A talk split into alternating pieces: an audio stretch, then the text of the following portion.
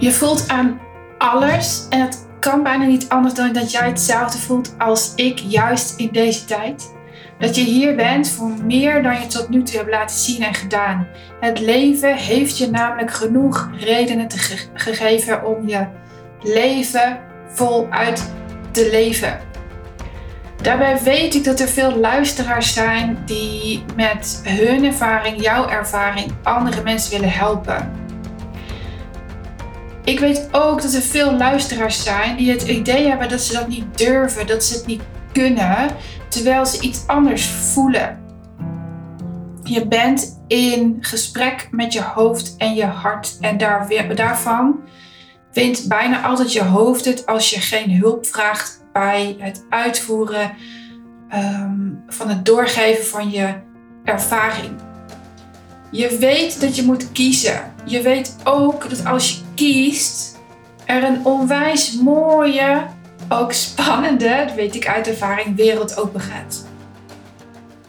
En dat maakt je misschien onrustig of bang. Ehm, en als je dan weer luistert naar dat hoofd, zit je weer in gesprek tussen hoofd en hart. Ik denk dat je angst hebt dat jouw missie wel eens zou kunnen slagen. Je hebt namelijk geen idee wat op je af gaat komen. Ik weet het wel.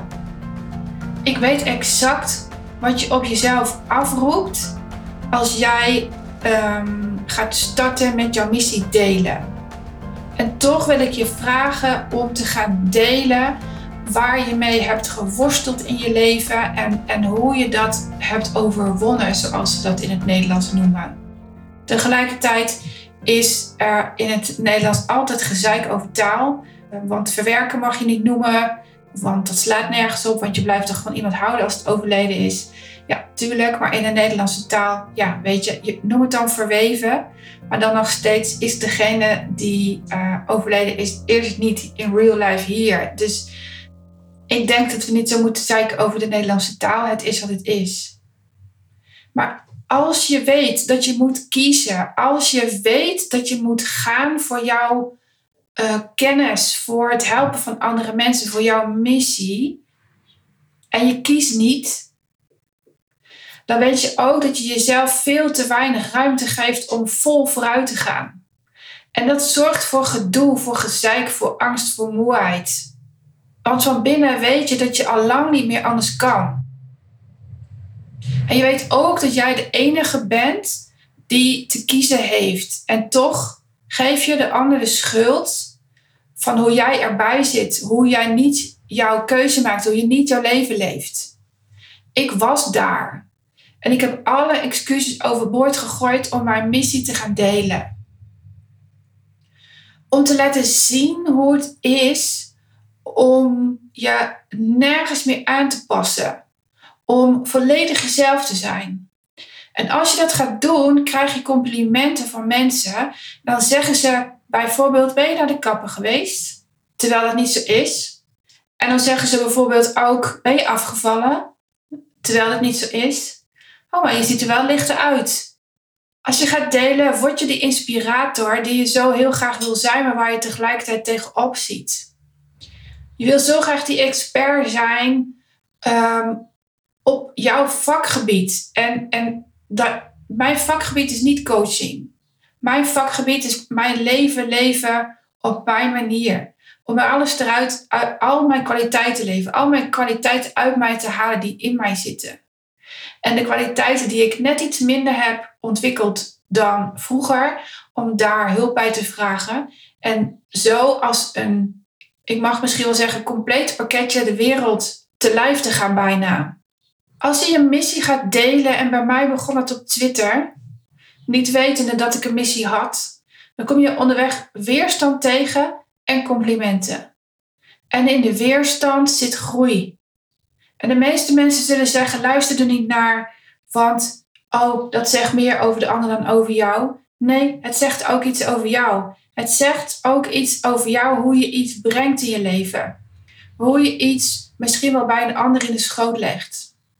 En onderweg kom je ook tegen dat je jezelf ellendig voelt. De groeipijn waar we nu met z'n allen in zitten. Want we zitten in een tijd. Je hoort mij overigens niet zeggen dat we van 3 naar 4 naar 5D gaan, want daar heb ik echt geen drol verstand van. Maar ik, werk, ik merk wel aan mijn lijf, aan mijn kinderen, aan mijn man, aan, aan, aan alles dat er, dat er ehm, verandering plaats moet vinden en dat we daar middenin zitten. En verandering vinden we niet fijn. Daar willen we liever bij weg. Daar willen we liever geen hulp op vragen, want stel je voor dat de ander iets van ons denkt. Liever gaan we weg om uh, thuis in ons eentje en misschien wel in ons bed met het kussen op ons hoofd te gaan liggen huilen. Liever gaan we het niet aan. Liever, zeggen we, oh nee, ik voel me hier echt ongemakkelijk bij, ik kom niet. En dan gebruiken we die woorden niet, nee, dan gaan we ons ziek melden. Ik daag je uit om daarbij te blijven, om dit gevoel helemaal te gaan voelen. En, en, en om je even een uur lang onwijs ellendig te voelen van alles wat er niet werkt in je leven. En daarna op te schrijven wat je doel is. Want als je groeipijn hebt, ben je je doel vergeten.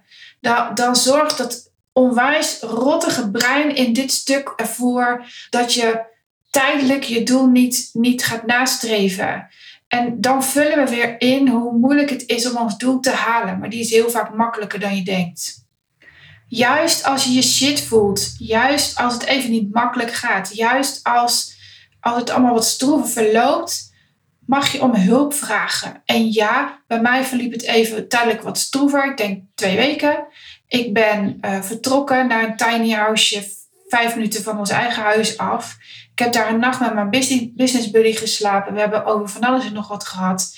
En toen ik thuis kwam, wist ik exact wat mij te doen had. Wat, wat mij te doen stond. Deze podcast opnemen onder andere stories maken en gewoon weer mezelf zijn en delen uh, waar ik mee worstel, hoe ik eruit kom. Uh, delen waar ik al aan voorbij ben, wat ik goed kan. Um, ik heb ook weer te delen. En ik vermoed dat als jij naar deze podcast luistert, je hetzelfde ervaart als ik. En dat is dat deze tijd een verandering teweeg brengt die um, voor iedereen iets heeft, maar je moet het wel op kunnen pakken. En jij ziet het. Jij ziet dat het anders kan. Jij ziet al bij de uh, mensen met wie je leeft, met wie je omgaat, met wie je werkt, met wie je misschien wel sport, die je opvoedt, um, wat voor problemen op ze, ze zich op, zij op zich afroepen. En dat wil je oplossen. En, maar dat is niet de weg. De weg is dat jij laat zien hoe het anders kan ik vind nog steeds dat er te weinig mensen online zijn die laten zien hoe het anders kan. Ik heb de afgelopen twee weken een aantal van mijn klanten een behoorlijke preek gegeven, omdat ze net niet zeggen wat ze denken. En dat ga jij ook tegenkomen als je je missie deelt. Dan ga je tegenkomen dat als je zegt wat je denkt, je je ouders misschien wel onwijs pijn gaat doen. Of je personeel als je die hebt. Of een paar van je klanten. Of je man. Of je schaamt je voor je kinderen over alles wat je te delen hebt. Daar moet je het over hebben. Je moet het hebben over wat je te delen hebt. Je moet het hebben over wat voor een ongelofelijke kwaliteit daarin zit. En je moet het hebben over kun je mij hierin steunen of niet. En dan ga je voor jezelf kiezen. En ik weet, oh, ik weet hoe moeilijk dit is hoe moeilijk het kan zijn. Ik weet hoe het is om voor jezelf te gaan en bang te zijn dat je je man en kinderen achter moet laten, omdat je niet anders kan dan je missie te leven. Ik weet hoe het is om in angst te leven dat papa en mama misschien wel zeggen: we doen de deur niet meer voor je open. Ik weet hoe het is om in angst te leven dat je denkt: oké, nu vinden mijn zusjes mij echt onwijs raar. Ik heb zusjes namelijk, misschien heb jij wel een broer of een broertje. Ik weet hoe dat voelt. En ook dat gevoel moet je helemaal voelen en daar moet je het gesprek over aangaan. En te weinig uh, mensen, vrouwen, mannen, zijn bereid om dat gesprek aan te gaan. Ik leer het je hier. Ik leer je hier wat je te doen hebt om te vragen om die steun. Want het is, het is een vraag met onwijs veel inhoud. Je moet namelijk voelen waar je het over hebt. Je moet een doel hebben. Zonder doel kan je niet vragen om steun, want mensen hebben geen idee welke richting je loopt. Je moet een richting hebben. En als je die richting hebt, kun jij vragen om steun. Kun je je blijdschap tonen. Ik heb in een van mijn vorige podcasts verteld over mijn kindercoachbedrijf praktijk. Ik coachte aan mijn keukentafel en ik vond het echt druk om dat te doen.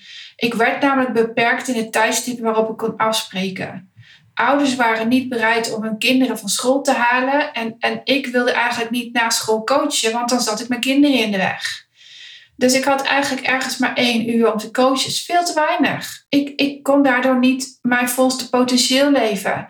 Dus ik moest laten zien aan mijn man hoe blij ik werd van alles wat er gelukt was. Van alles wat mijn ukkies van klanten aan doelen haalden.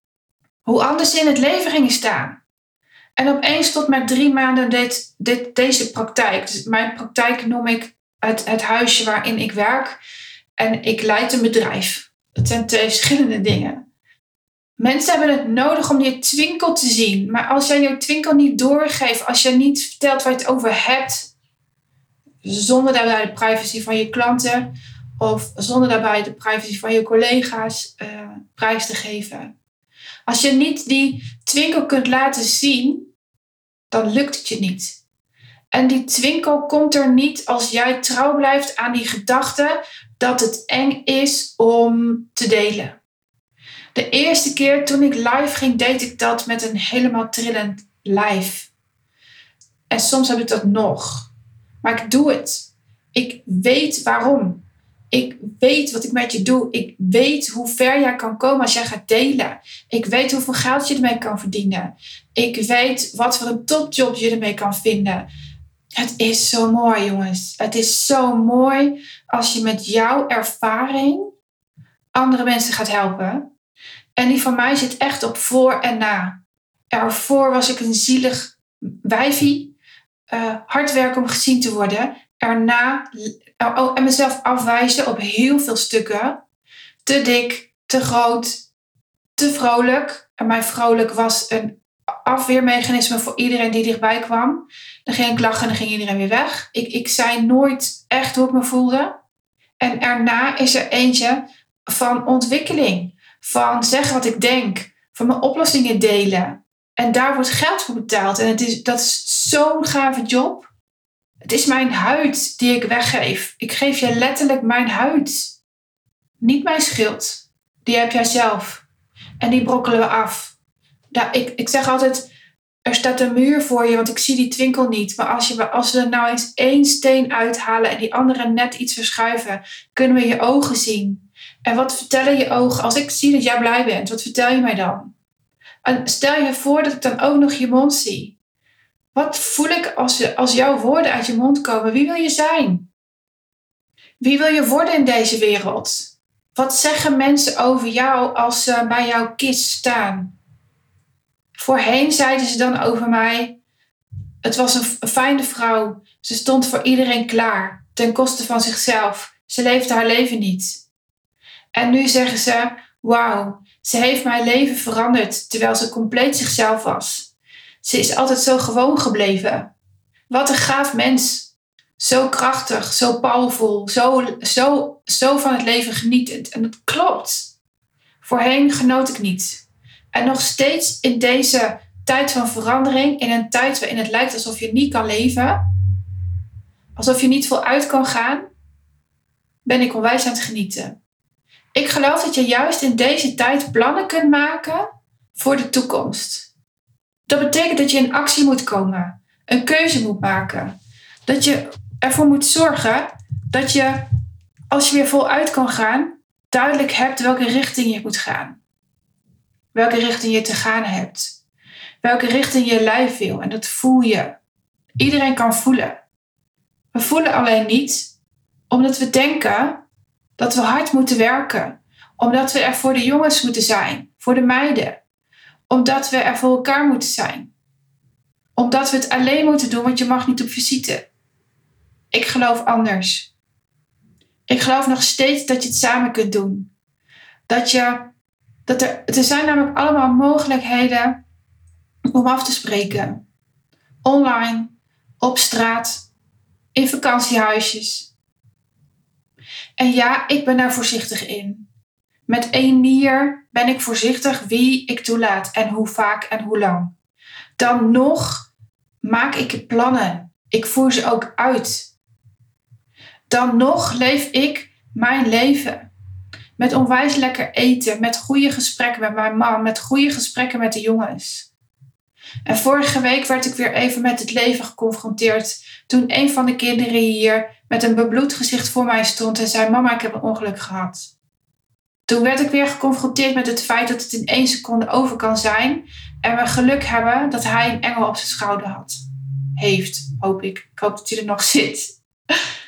En dacht ik, ja, wat tof dat ik mijn leven leef en dat hij niet eens heel veel hoeft te veranderen om onwijs te genieten. Ik weet dat als jij deze podcast luistert, er iets in jouw leven te veranderen valt, waardoor jij veel meer geniet, waardoor jij een hogere levensstandaard kan creëren. Je bent namelijk niet deze tijd. Je bent er onderdeel van en jij kunt die veranderen. Je bent niet de diagnose Mr. C. Je leeft ermee. En hoe je daarmee omgaat is aan jou. Je bent niet de avondklok. Je leeft ermee. En dat is een wereld van verschil. En hoe je de tijd invult is aan jou. Ga je zitten kniezen s'avonds op de bank of ga je met het hele gezin sjoelen? Ga je vroeg naar bed omdat je ervan baalt? Of ga je samen een spelletje spelen of pak je dat ene boek die al heel lang op je nachtkastje lag? Waar je nu eindelijk tijd voor hebt? Of maak je plannen voor de toekomst? Als ik iets heb geleerd van het werken in de politiek, is dat je alles mag vieren wat je gedaan hebt, wat je normaal gesproken niet zou doen. Maar we vieren niet. We laten het aan ons voorbij gaan, want och, het ging zo makkelijk. En ach, het is toch gewoon dat ik dit doe? Nee, het is niet gewoon hoe jij om bent gegaan met wat jou is overkomen. Het is niet gewoon wat met jou is overkomen. Jij je waarschijnlijk hebt ingeschreven bij de Kamer van Koophandel. Een bedrijf hebt en dat die niet loopt omdat je niet weet wat en nu en hoe ziet mijn toekomst eruit. Het is niet gewoon dat je voelt dat het alles kan en je dat voor gaat houden uit angst om te delen. Je moet je stem laten horen. Ik ben er voor je. Ik zie je, ik weet exact waar je tegenaan loopt de weerstand, de angst, de angst om te falen, de angst voor succes. En als je angst hebt om te falen, weet dan, ik faal liever dan dat ik het nooit heb geprobeerd.